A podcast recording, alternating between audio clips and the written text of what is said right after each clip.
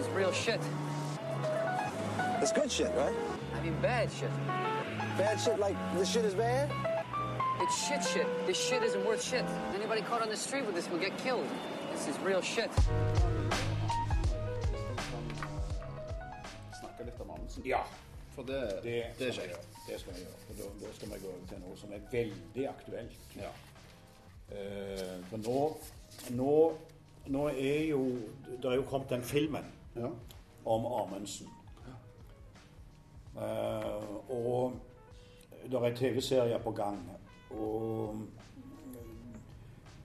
ja, det er ikke så lenge siden vi hadde 100-årsjubileet i 2011 for uh, bragden om å nå Sydpolen.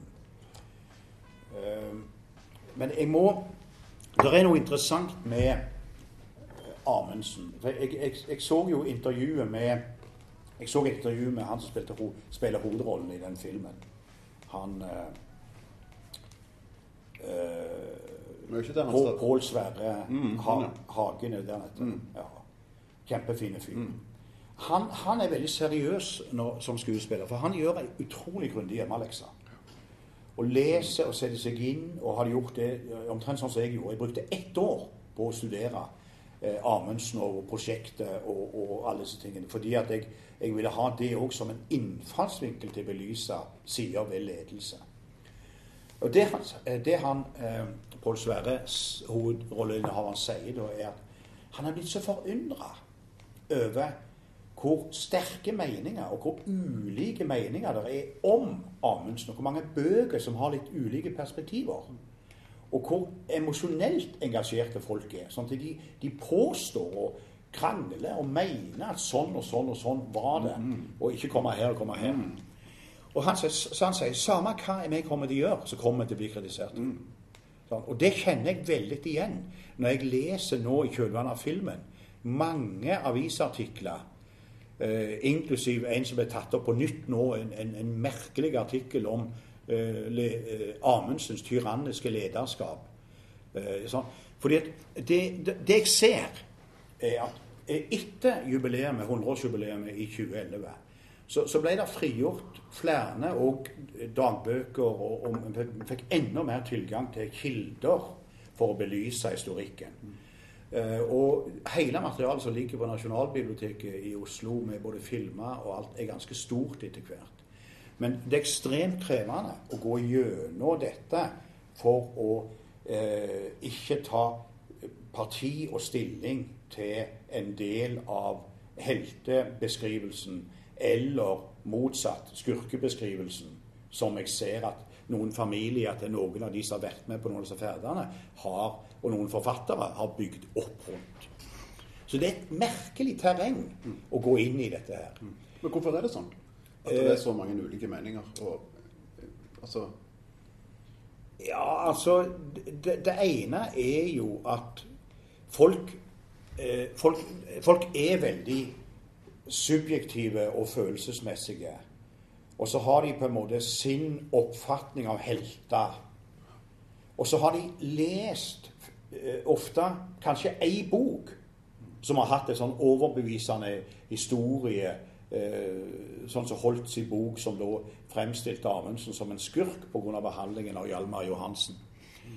Og så har det liksom farga resten av bildet. For det mange gjør da, når de har hørt eller lest eller et eller annet som er begrensa, så leter de Resten de hører da, blir selvoppfyllende profetier. Altså de leter etter bekreftelser. Og så åpner de seg ikke objektivt for fakta eller for nyanseringer.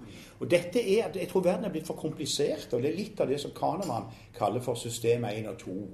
At vi, vi liker å få repetert det vi tror på fra før, istedenfor å være åpen for annen type fakta, innfallsvinkel. Og Det gjør at mange diskusjoner blir omtrent håpløse, for de blir så emosjonelle. Eh, Og Det, det syns jeg er slitsomt, og samtidig litt spennende. Eh, og når jeg da går så grundig inn i dette stoffet som det jeg har gjort. Og da, da er det for meg mange interessante perspektiver. eh, For det, jeg har et ledelsesmessig perspektiv inn i dette. Eh, Fordi at mitt utgangspunkt var at jeg opplevde sør, altså det å komme til Sydpolen og vinne det kappløpet med Scott som en av de største ledelsesmessige bragdene som jeg kunne tenke meg. Eh, og så måtte jeg da inn og få kvalifisert om dette kunne stemme. Om det var sånn. Og det var grunnlag for å tenke sånn. Eh, og det en, ble en meget interessant reise. For det, så, så, ser jeg på bakgrunnen til Amundsen, og tidsånda. For han er født i 1872 av en, en, en, skips, en, en, shippingfamilie. altså de, de, vokste opp på Hvaler. Altså, mm. Det var en familie med, med, med mange brødre som mm. uh, drev med, med, fem av de, av tolv søsken var fem av de brødre. Alle var engasjert i, i shipping og altså med seilskuter og osv. Så, så, så han vokste opp med, med, dette. Og i den perioden så var jo kapteinen sant, og rederen det, det, det, høyeste ledelsesnivået du hadde i Norge. Uh, og uh, vi vet jo at uh, i, i, den verden, på en båt, sant, så, så må det være mye disiplin og det må være mye styring for det hele tatt å kunne håndtere. og far til Amundsen med, da var faktisk tredje Jeg tror eh, kona var med på den turen til Sør-Kina-havet. Mm. Da eh, skjedde det et mytteri. Re regelrett et mytteri. Og, og, faren ble da kapteinen som faren var. Sånn. Han ble stukket med en sånn sabel og ble veldig skada og holdt på å blø i hjel. Sånn. Men så fikk de kontroll. Og etter dette så var det jo snakk om han som da hadde uh, vært hovedmann bak mytteriet, og som også hadde stukket. Hva skulle de gjøre med han? Sånn. Og da var det to valg. Altså, og da fikk de som var igjen, da fikk være med å bestemme om han skulle da gå broa og bli kasta på sjøen, eller halshogges. Og, det, og, dette var helt nødvendig for å Skaper. unngå mytterier og holde mm. det gående for å få frakta uh, uh, varer og, og krigsmateriell, hva det måtte være. Og det var store muligheter for norsk skipsfart når da du fikk Krimkrigen, og du fikk løst opp en del embargoer fra, som England hadde da. For, for England jo, hadde verdensherredømme da, i, i, en lang, lang periode. Det var det eneste stormakt da. Uh, og, det er klart det er jo litt av bakteppet når han vokste opp. Så, så, så, så, var det fire gutter. Den, han, han, hadde tre brødre. De var fire gutter. Han var yngst. Amundsen. Roald Amundsen. Og så var, så var, det sånn at eh, faren var jo veldig altså Den familievirksomheten der, der med de fem som hadde bygd dette altså de, de både hadde husene sine, og de bodde, og de hadde shippingen og, og virksomheten veldig nær sant, med sjøen. Det var forbi Fredrikstad. Men mora til Amundsen hun kom fra en, en annen type byfamilie. Og var, Hun trivdes ikke så godt der, så hun ville da at de skulle flytte inn til byen. Og når Amundsen var tre måneder, så flytta de inn til, til eh, Oslo, til sentrum, ned forbi Slottet. Uranienborg, og, og, og, hadde en villa der. Så han vokste opp i praksis der. Men, men da var jo òg Oslo Kristiania var jo mye mer sant, eh, landlikt og. Så, videre, så, videre. så han, han, de, de, de, var jo veldig sportslige. Sant, og Eh, og så videre. Og det, det, var jo veldig typisk hele veien. Og han var jo veldig aktiv. Og, og, og ja, de gikk på ski og gikk på ski overalt. Sant? Og, og, hadde venner og, i Nordmarka og skiløp i, i svære hagen de hadde og alt det der greiene. Sånn. Men så, så, så, så, han, så, fanget han interesse for å lese om oppdagelsesreiser ganske tidlig. Sånn. Og, og det begynte å sette tanker i hodet hans på Eh, at han, eh, han, han, ble utrolig fascinert av dette. Eh, og så fascinert at han, han begynte å lage seg noen sånne visjoner om på en eller annen måte, på et eller annet tidspunkt så skulle han være med og, og, og gjøre noen bragder, han òg. Mm. Og da, begynte han faktisk nokså tidlig, sånn 14-15 år, å ligge om natta med vinduet åpent hele året for å herde seg sjøl. Eh, og han drev mye med, med, fysisk trening for å bli sterk i muskulaturen og en del sånne ting. Sant? Og så er det klart at, at når, når tida gikk her, og han, han eh, etter hvert, så, så, så, eh, er det klart at Nansen, Fridtjof Nansen, som på mange måter er den nordmannen som historisk har vært mest kjent i verden Han var jo da gudfaren innenfor eh, polar polarvirksomhet og, og, og, litt kombinert med vitenskap og, og, sant, og eh, grønlandsferden og, alle disse tingene her. Og da, Det er klart at Unnskyld. Tidsånda her er jo sant, mer rundt siste delen av det år, århundreskiftet sant, på 1800-tallet. Mm. Uh, og og i en periode der Norge òg var et utrolig fattig land. Sant? Jordbruk og, og fiske og, og, veld, veldig fattig land. Så, så, det, så, så, du kan si uh, og du, altså Vi alle husker, vi kjenner jo til sant? Vi ble jo selvstendig nasjon i 1905 i det siste feiten med, med svenskene. Sånn, så vi var jo en fersk, vi ble jo en fersk nasjon. Sånn, ta den delen av det. Og da, da er det klart at, at du, når du er en fattig nasjon og ikke har så mye å vise til. Du hadde noen få diktere som var, uh, framtredende. Eh, men det var ikke mange sånne lysende stjerner og figurer som, som markerte nasjonalsymbolikk og, og, og, referansepunkter. Så da ble liksom disse her Sånn som Nansen først og fremst da, eh, ble jo en, en, en fantastisk sånn eh, nasjonal figur mm. med, med kraft av kombinasjonen vitenskapsmann og seriøs vitenskapsmann, og da grønlandsferden og alt det der. Eventyrer. Eventyrer osv. Eh, sannsynligvis så var Nansen absolutt ikke noen god leder.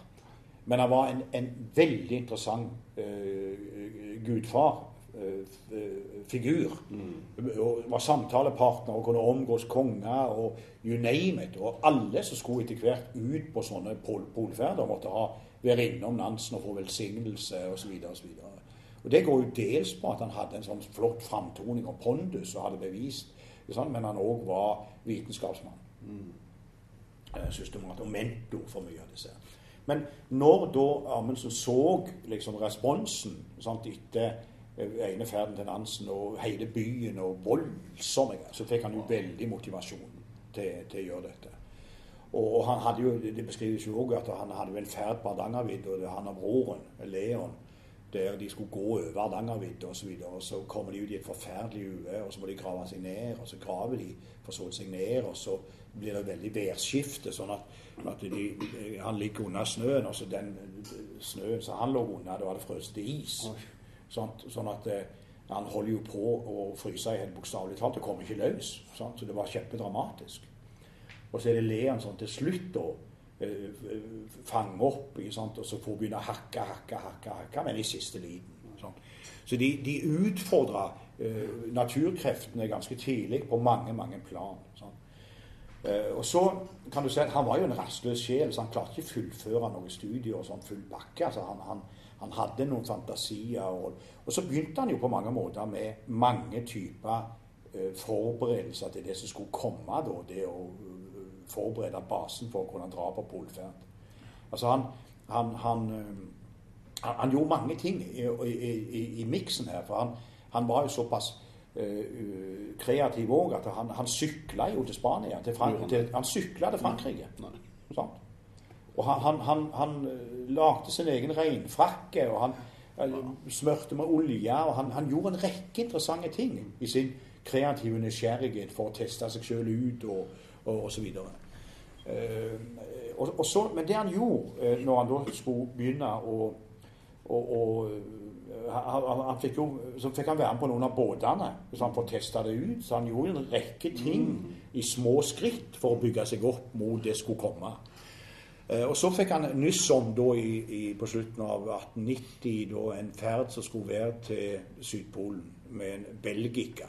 Med en, en, en, en kaptein som heter Gerlich. Og da, og da, hadde han gjort såpass mange ting at han via forskjellige greier og via Nansen og da fikk lagt inn et godt, og så fikk være med på den ferden. Mm. Hvor gammel var han da, sånn cirka?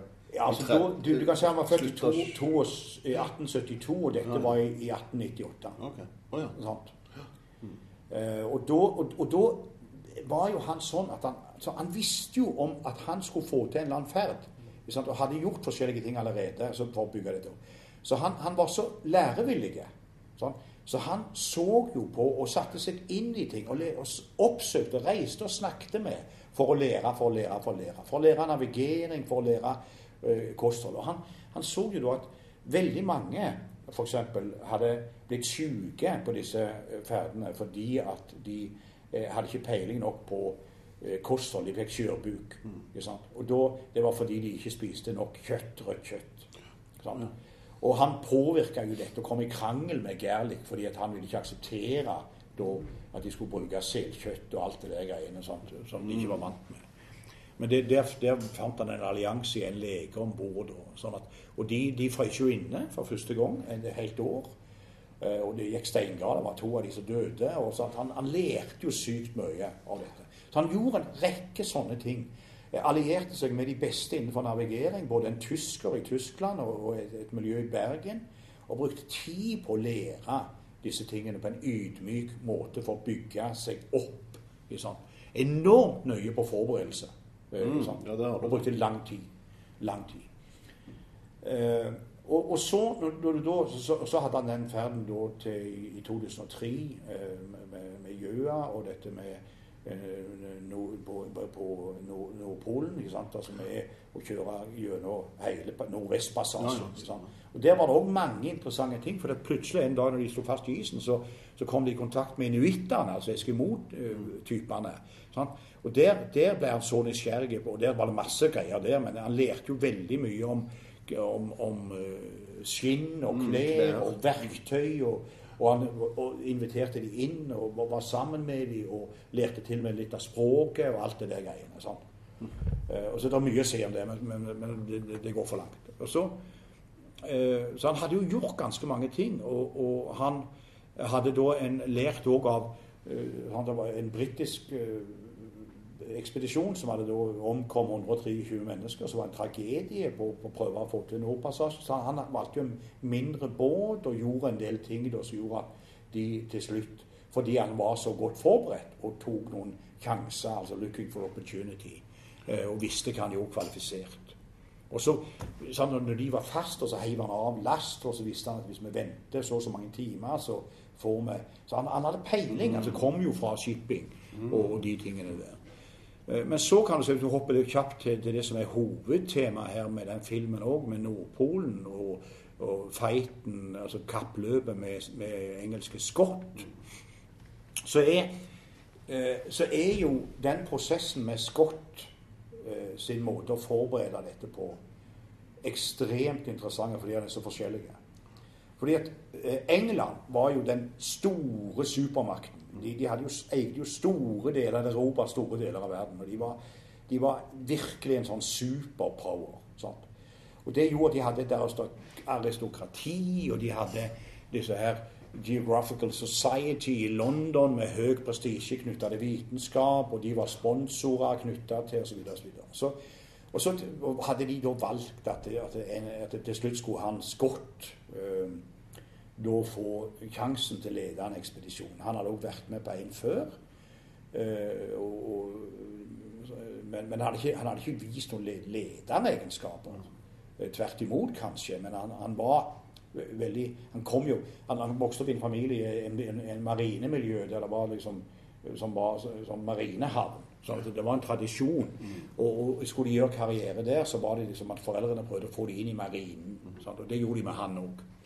Men han, han, han klarte ikke stødig å få en karriere. Han rota det til og gjorde en del feil. og eh, sånn og sånn. Men han fikk, han, han, var, fikk, til slutt så fikk han um, en som heter Markham som sponsor. altså Han, han, sa OK.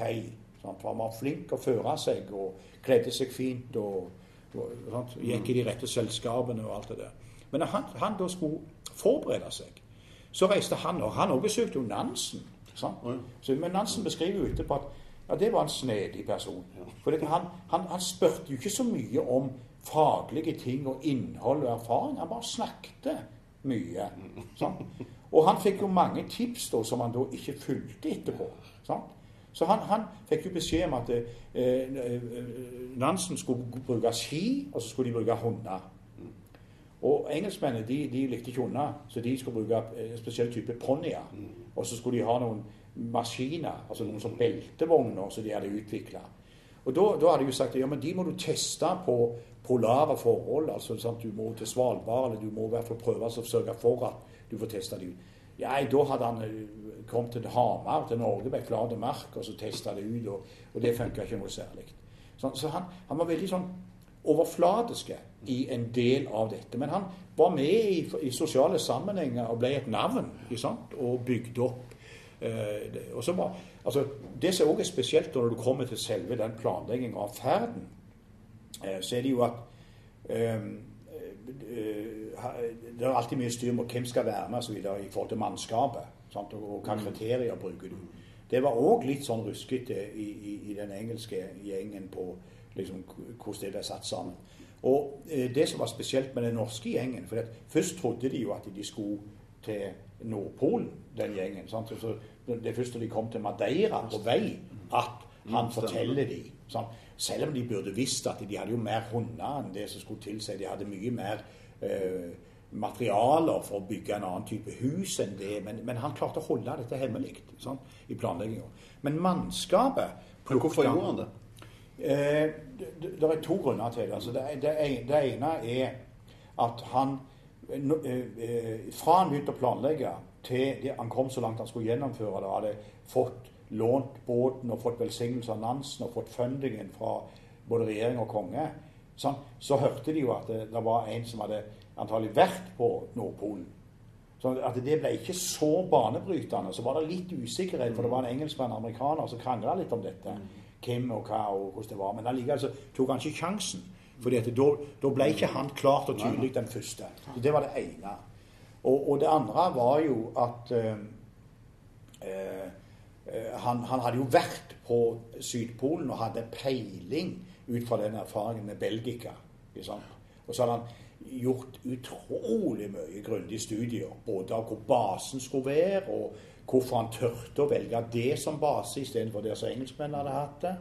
Og hadde lært mye om, om eh, sant, natur og geografi og alt som kan tenkes. Eh, så han var jo forberedt på egentlig Han hadde sikkert flere prosjekter i hodet, men, men, for han da, mm. så var det mer at det ble et større prosjekt, et mer interessant prosjekt og mer banebrytende. Og ville ha større betydning for mm. i nasjonsbygging. For dette var jo rundt mm. nasjonsbygginga. Ja. Perioden fra etter man ble blitt en ny stat 1905 sant? De reiste jo 1910. Sant? Så det hadde jo enorm betydning da, i, i, forhold til å lykkes med sånne ting, for å få anerkjennelse i verden og bli lagt merke til og få tilgang til mm. eh, ressurser og økonomi og respekt osv. Men når han valgte mannskapet, så eh, var han veldig nøye. Det har alltid vært på sant? Hvem var disse her, og hva hadde de av erfaring, hva typer var det, og tålte de, var de utholdende, kunne de osv. Mm. Men den han ikke valgte sjøl, det var jo Hjalmar Johansen. Fordi at han hadde vært med Nansen på en ferd. Og de, de hadde jo da gått alene og ligget tett i sammen. og Nansen var veldig de, men de hadde jo vært sammen lenge. Og, og, og så På mange måter så gikk det galt med, med Hjalmar Johansen etter den ene ferden. Han ble jo alkoholiker sant? og rota til store deler av livet sitt. Og så var det Nansen, da, når premisset for å få velsignelse for å låne båten og for å dra som sagt, du, du, må ta med han. Fordi at han trenger nå en dragjeng. Og han var jo på mange måter en tørrlagt alkoholiker som var litt shaky, men som òg hadde et sjølbilde der han mente at han hadde jo vært med Nansen, så han kunne vært leder for den, øh, sånn, øh, den ferden der. Sånn. Men han var jo lojale og ydmyke, for det var jo spennende og relevant og osv. For all del. Men han var ikke valgt av eh, Amundsen sjøl som den eneste. Så det var et eh, spenningsforhold? Ja, og det var et spenningsforhold. Og han var eldre? Ja. Han hadde gjort dette før? Han hadde gjort det før. Helt riktig. Og han hadde relasjon til Nansen, oh, som han visste var mm. viktige. Så det lå et potensial der til Norge. For det, dette vet vi jo fra den erfaringen med faren og mytteriet òg, at liksom dette her med sensitiviteten på formelle og uformelle ledere og liksom det, det er helt uakseptabelt. For risken er for stor. Men det er klart at da når de, når Det som var spesielt med, med, Scott Han hadde jo en veldig lemfeldig forberedelse, mm. egentlig. Og eh, ville ikke lytte til og tok med litt sånn lettvint og skulle trene seg på ski, men gjorde det sånn halvveis. og Ikke? Så det, det var liksom en annen arroganse knytta til måten å planlegge og gjøre dette på. For han, han kom jo, representerte jo stormakten. Mm. Så, så var, hadde verdensherredømme og masse ressurser og, og var danna. Sånn at de hadde jo skille òg på liksom to kantiner. sant? Mm, Og de hadde kvitt, kvitt brød og te og alt det der. Så, så det var en helt annen måte å gjøre det på. Eh, og, og han leste poesi og, og koste seg med pipa si og holdt på. Men, mens, men, men, men, mens Amundsen han var jo nede i alle tenkelige og utenkelige detaljer og scenarioer. Han hadde gått gjennom alt i forhold til riskanalyser, egentlig. Så de kom fram, så fikk de bygd eh, Framheim bygde basen sin veldig fort. og han, Så utnytta de da den blåse snøen til å lage svære snøhuler, så de lagde små verksteder inni, og toalettsystemer osv. Så, videre. så det ble et eget samfunn inni dette. Det ble òg lunere på temperaturen osv. Så, videre. så det som er veldig spesielt med han òg på virkemiddelsida, er jo at han, når han valgte kokken, som var en veldig spesiell type han hadde hatt med før, kjenner han veldig, veldig godt, som var en veldig jovial, veldig dyktig kokk osv. Så, videre. så, så han lagde jo pannekaker som ble sånn eh, symbolen og realiteten da med kosen. Amundsen var sjøl veldig flink til å nøye på å tilrettelegge med duker og pynting, og hadde med seg musikkinstrumenter og masse spel. og og, og, og eh, når de skulle feire eh, 17. mai og dager og bursdager, så var det full pakke og kaker. og ja, så- dram og- Veldig på denne her rituelle kosen og, og, og tilrettelegginga. Og mye mer enn folk er klar over. Som et virkemiddel til å, til pleie systemet og få dette til. Liksom. Men så kan du si at når de da eh, Og så, så visste han jo òg at, at det, det, det er klart at det å lykkes med en sånn ferd liksom. Du skal opp og passere noen voldsomme passasjer og fjellmasser. Skal du opp i 3000 meter, skal du gå på det platået. og da sant, kunne være nede i 55 kuldegrader. Eh, og, og de skulle da bruke hundene til å dra. Sant? Og, eh, og, og, og det krever jo en fysisk og en psykisk styrke og ekstremt mye prakt, praktisk planlegging. Scott, når de la ut og kom til det punktet at de skulle begynne ferden, så hadde de tilsvarende 60 kilo per person i proviant. Sant? Pluss de hadde depotene sine, de òg. Men Samuelsen hadde 600. 600 kilo. 600 kilo. Så at han, han hadde jo tenkt gjennom alle slags eventualiteter i miksen. Eh, og både på utstyrssida og på miksen av det han hadde. Så visste han jo òg at, at de måtte tenke praktisk. Sånn når de da kom og, og ikke trengte alle hundene, så slakta de hundene. For det ble da både menneskeføde og føde til hundene. Så det var jo rasjonelt. Ikke sant, egentlig. Og Det har han også blitt kritisert for, for det var dyreplageri og barbari osv. Det er bare tull, for de var jo ekstremt venner med disse hundene og behandla dem Fantastisk. Bilder av de, hvordan de behandla dem, og you name it. Ikke sant? Eh, i, i, I den sammenhengen. Eh, Scott hadde jo satsa på disse her ponniene, og de dels var de litt tyngre, så de datt gjennom. Så det ble ganske tungt, så det funka ikke i lengden. Og disse beltevognene de stoppet ganske tidlig, sånn at det ble jo at de måtte dra mann med per De måtte dra dem ja. sjøl. Så svetta de vel eh, gjennom huden òg, disse Ja, ponniene, istedenfor tunga. Så de ble iskalde. Helt riktig. Så det var masse Altså, sånne ting som når du tenker på nøye forberedelser, vite hva du legger deg ut på, er unbelievable at det, Det går går an. Sånn. Og at det, der er men, men, liksom, men igjen ser du arrogansen knytta til at vi har vunnet verden, vi har erobra, vi har fått til det meste, vi er best i verden. Da skal vi òg klare dette. Og, og, og det er klart at eh, eh, det, var jo en, en ferd som hadde vært før. De, han kom jo ganske langt. sånn at De bare gikk jo òg i fotsporene til, til, til den forrige ferden som engelskmennene hadde. Sånn. Men det hadde de vet nok til å snu i tide og redda livet da, i, sånt, mm. i, i sin tid. Men det var jo en mye, mye, mye bedre type leder uh, enn en Scott var. Scott var jo ikke noen god leder i det hele tatt. Tvert imot. Men, men så kan du si at når da de, først så kommer de til et punkt de blir utålmodige, og så skal de legge ut på prøve den ferden da, til en, en, en, en liten gjeng. Og så, og så blir det Da var det 35 grader, så blir det 55, og så, må de, må de, så blir det gale.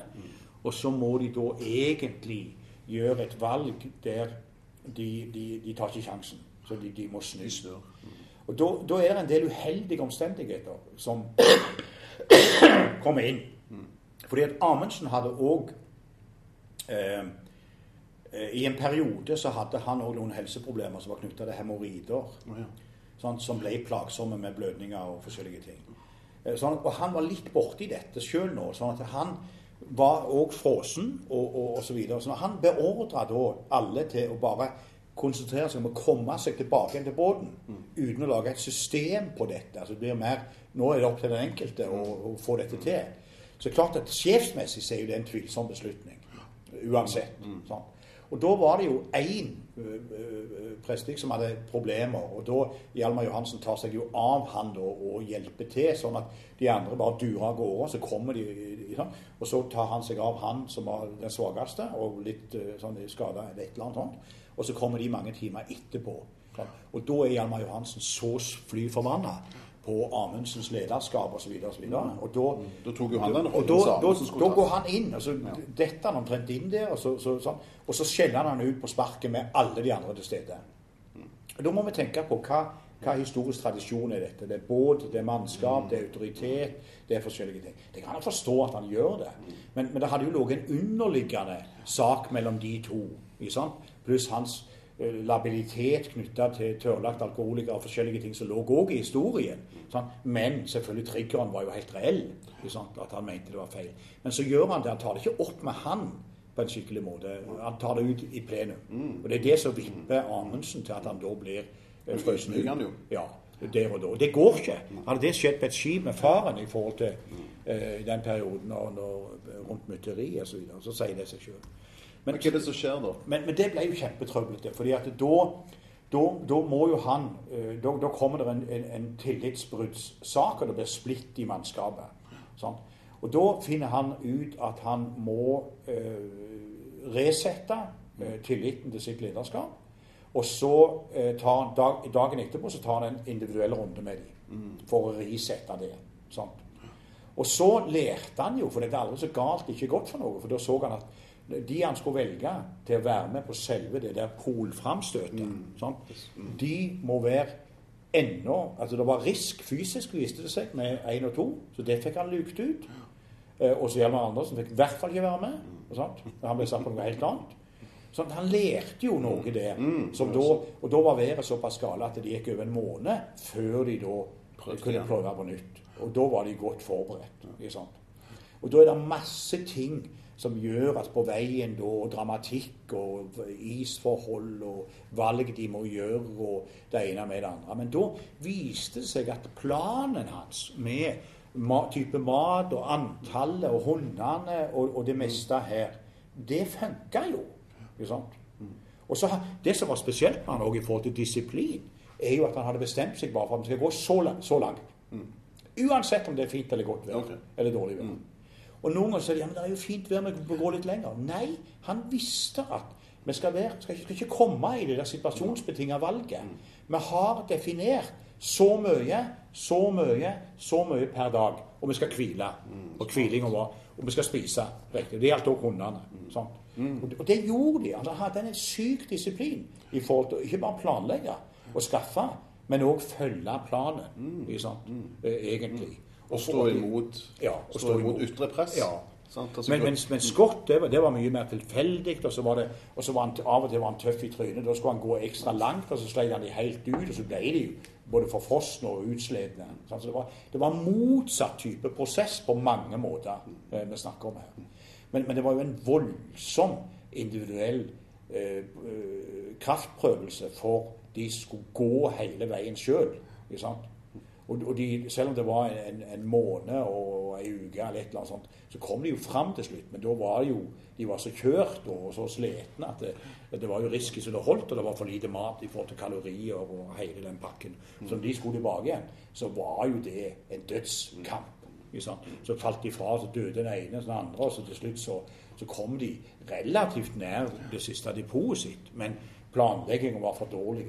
Og, og mengden mat og hele greia. Og så, det Scott gjorde, vet du, han var jo romantiker, så han var jo ekstremt flink til å skrive dagbok. Sånn i i, i, i, fargerike. Og han romantiserte. Og hver gang det gikk galt, så skyldte han på noe. Skyldte på været eller skyldte på noen andre. Amundsen gjorde det motsatte. Han, han skyldte aldri på noe. Han, han bare forklarte og beskrev nøkternt hvordan det hadde vært. For han var jo vant med, ut fra opplevelsen på Hardangervidda og det han hadde opplevd, og sist han hadde vært der nede, at du må jobbe med naturen. Sant? Så han var ydmyke og jobbet med naturen og naturkreftene. Sant? Han var jo modig så det holdt, altså, og gjorde valg osv. Men det må du skal du få til store ting og være djerv. Så var han i veldig god form. eh, Sånn, bortsett fra disse hemoroidene og litt sånne ting. Men, men, men når- så, så kommer det jo fram. Sant? Eh, i desember eh, 2011 og, og når eh, polpunktet og alt det der. Og det er jo en enorm begivenhet. Sant? Eh, og, og mannskapet er intakt osv. Og, så videre, og så beskriver han jo tilbaketuren da nesten som sant? Det gikk jo som en drøm. Sant? For de hadde jo kontroll på depotene og maten og hele pakken, egentlig, eh, i dette. Og de, de, eh, da gjorde de noen vrier òg i forhold til eh, lys og For det, det er klart at her, her, her hadde jo eh, sol- og lysforhold veldig stor betydning, og vind var jo ekstremt viktig. Så de, de, de gjorde noen tilpasninger, for da skulle de tilbake igjen. Men de hadde full kontroll. Mens for Scott så var det jo en reise inn i, i, i- døden for hele gjengen. sant? Mens han skrev flagrende, flotte meldinger ikke sant, om romantisering og, og helting og tilrettelag.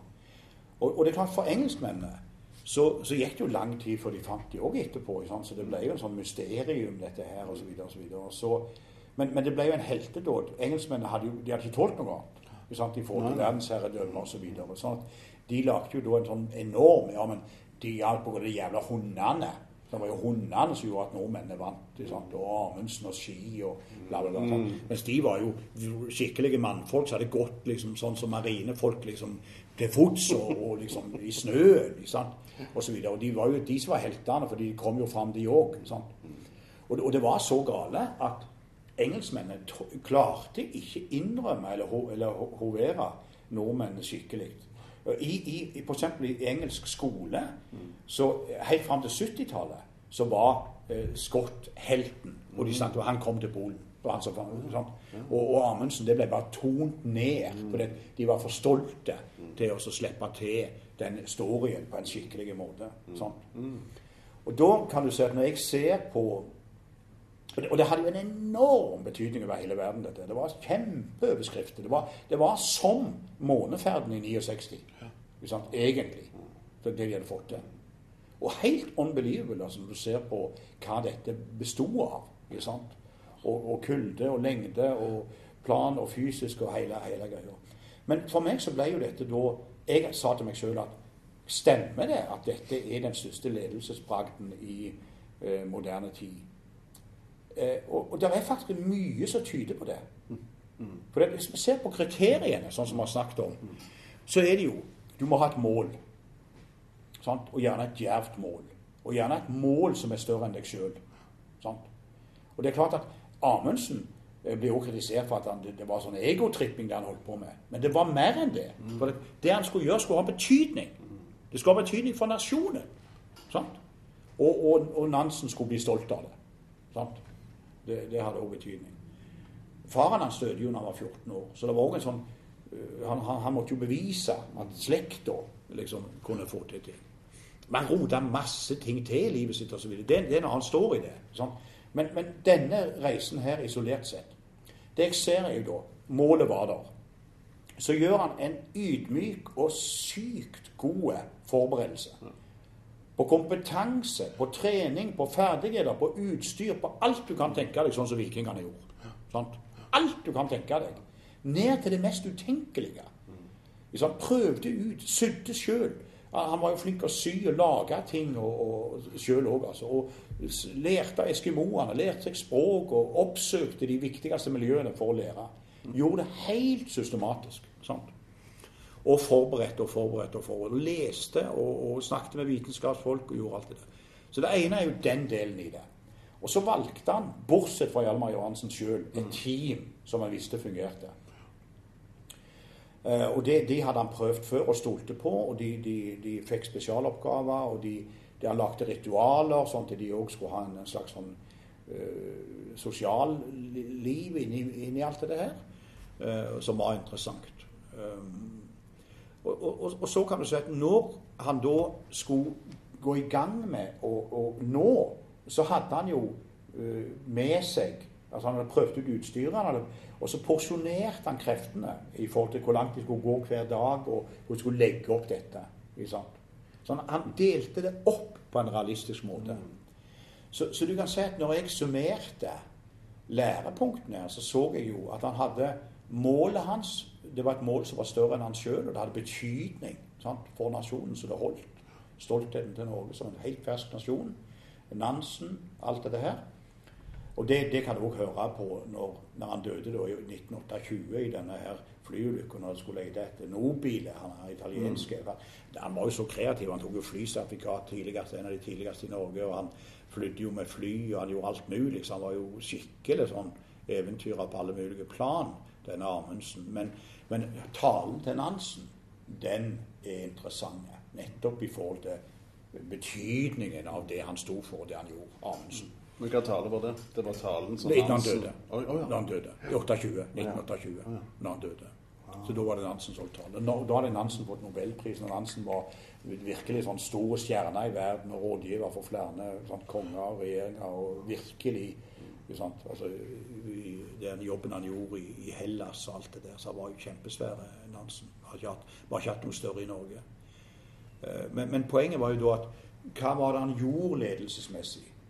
Det var jo en miks av ting. altså han, han, han gjorde jo jeg, jeg, har jo sagt at du, du, skal se til muligheter. Det gjorde han så det holdt. Du skal vurdere risk. Det gjorde han så det holdt. Sant? Og så hadde han en ganske god prosess. altså Han var jo faste og tydelige, sant? selvfølgelig. Mm. Men, men, han, det å fremstille det overhodet å tenke at han var en tyrannisk leder, det er direkte latterlig. Og, og, når folk påstår det pga. et snevert eller tynt grunnlag, de har ikke satt seg inn i, i helheten i dette i det hele tatt, eller tilgang til alle kildene, så, så, så er det jævlig tullete. Uh, han var, altså, Vi må huske på tidsånda her, og bakgrunnen, og, og hva som skulle til uh, for å få til en så stor brakk som dette. Sant? Der det var små marginer mye risk, sant? egentlig. Og han var jo sammen med folka sine i alt. Han, han, var ikke sånn som hadde en egen kantine og skulle ha folk til å servere te til han og så videre. Han var sammen med dem. De var sammen. Samme kantine, samme rom. Når engelskmennene kom på besøk, så lurte de på hvor, er offiserskantinen her. Sånn? Det var ikke noen offiserskantine. Det var, det, det var norsk. Sånn? Hele greia. Så det blir på en måte et utrolig interessant case hvis du bare klarer å isolere. For han rota jo livet sitt til og gjorde en haug med greier som gjør at folk liksom blander kortene sant? på hva han egentlig gjorde, hvorfor han lykkes med ting. At han var den største polfarer. Men Nansen var jo vitenskapsmann, han var ikke polfarer på samme måte. Han gjorde det med grønlandsferden osv. Men Nansen er den som har vært på alle polene og gjort de største bragdene. Han er største polfaren i verden. Mm. Og det er, det er en bestemt grunn til det.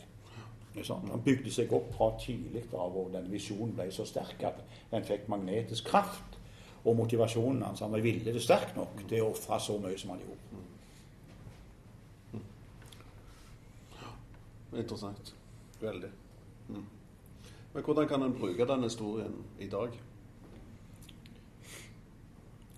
Altså, Jeg mener jo at det jeg har sett, er jo at hvis du tar ut uh, altså det, det å Altså, du velger et mål, og vil du det sterkt nok, ja, det er mange som bør tenke gjennom det. Hva er målet, og vil vi det sterkt nok? Sant? Og, og, mm. liksom virkelig holde på, holde på for å få det satt på en skikkelig måte, så du får magnetisk kraft. Det er det ene.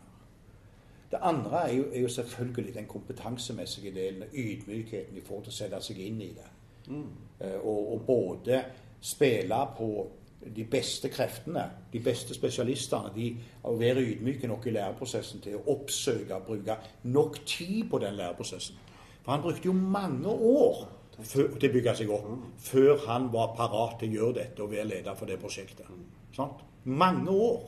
Og da hadde han lært så det holdt, altså. Alt om kosthold og navigering og you name it altså, sånn, i, i dette. Det òg er det mye å lære av. Den grundigheten. Og så er det balansen mellom da å få til en god prosess, en god fordeling av rollene, og dele det opp sånn at det er realisme i forhold til risk og kapasitet på det vi skal få til. Så jeg mener at prinsipielt så er det mye å, å lære og illustrere eh, den dag i dag. Det er jo kjempeaktuelt. Ja. Så, så er det synd at dette rotes til med pga. all slags greier med livet hans ellers og damer og disse ungene disse greiene her. Men, men hvis du ser på og har satt deg inn i absolutt hele materialet og klarer å se hva vi snakker om her, hva denne brakten, denne turen, denne, denne sånn, består av, så vil du si ja, men han lurte jo kongen, han lurte jo Ja, men herregud. altså, Alle vant jo. For det målet tjente jo nasjonen. Så det holdt. sant? Og hva hadde vi å spille på på det tidspunktet? I 1910. Sant? Egentlig. Ferske nasjon. Ingenting omtrent. Ja, det er helt Så, så, men, men folk glemmer jo hele konteksten og bakteppet, og hvor han kom fra, og hvorfor det ble sånn som det ble. Sant? Ja, en utrolig historie. Ja. Kjempeviktig. Kjekt. OK, men eh, da gleder jeg meg til neste gang. Ja. Da går vi videre. Ja. It's shit shit. This shit isn't worth shit. Anybody caught on the street with this will get killed. This is real shit.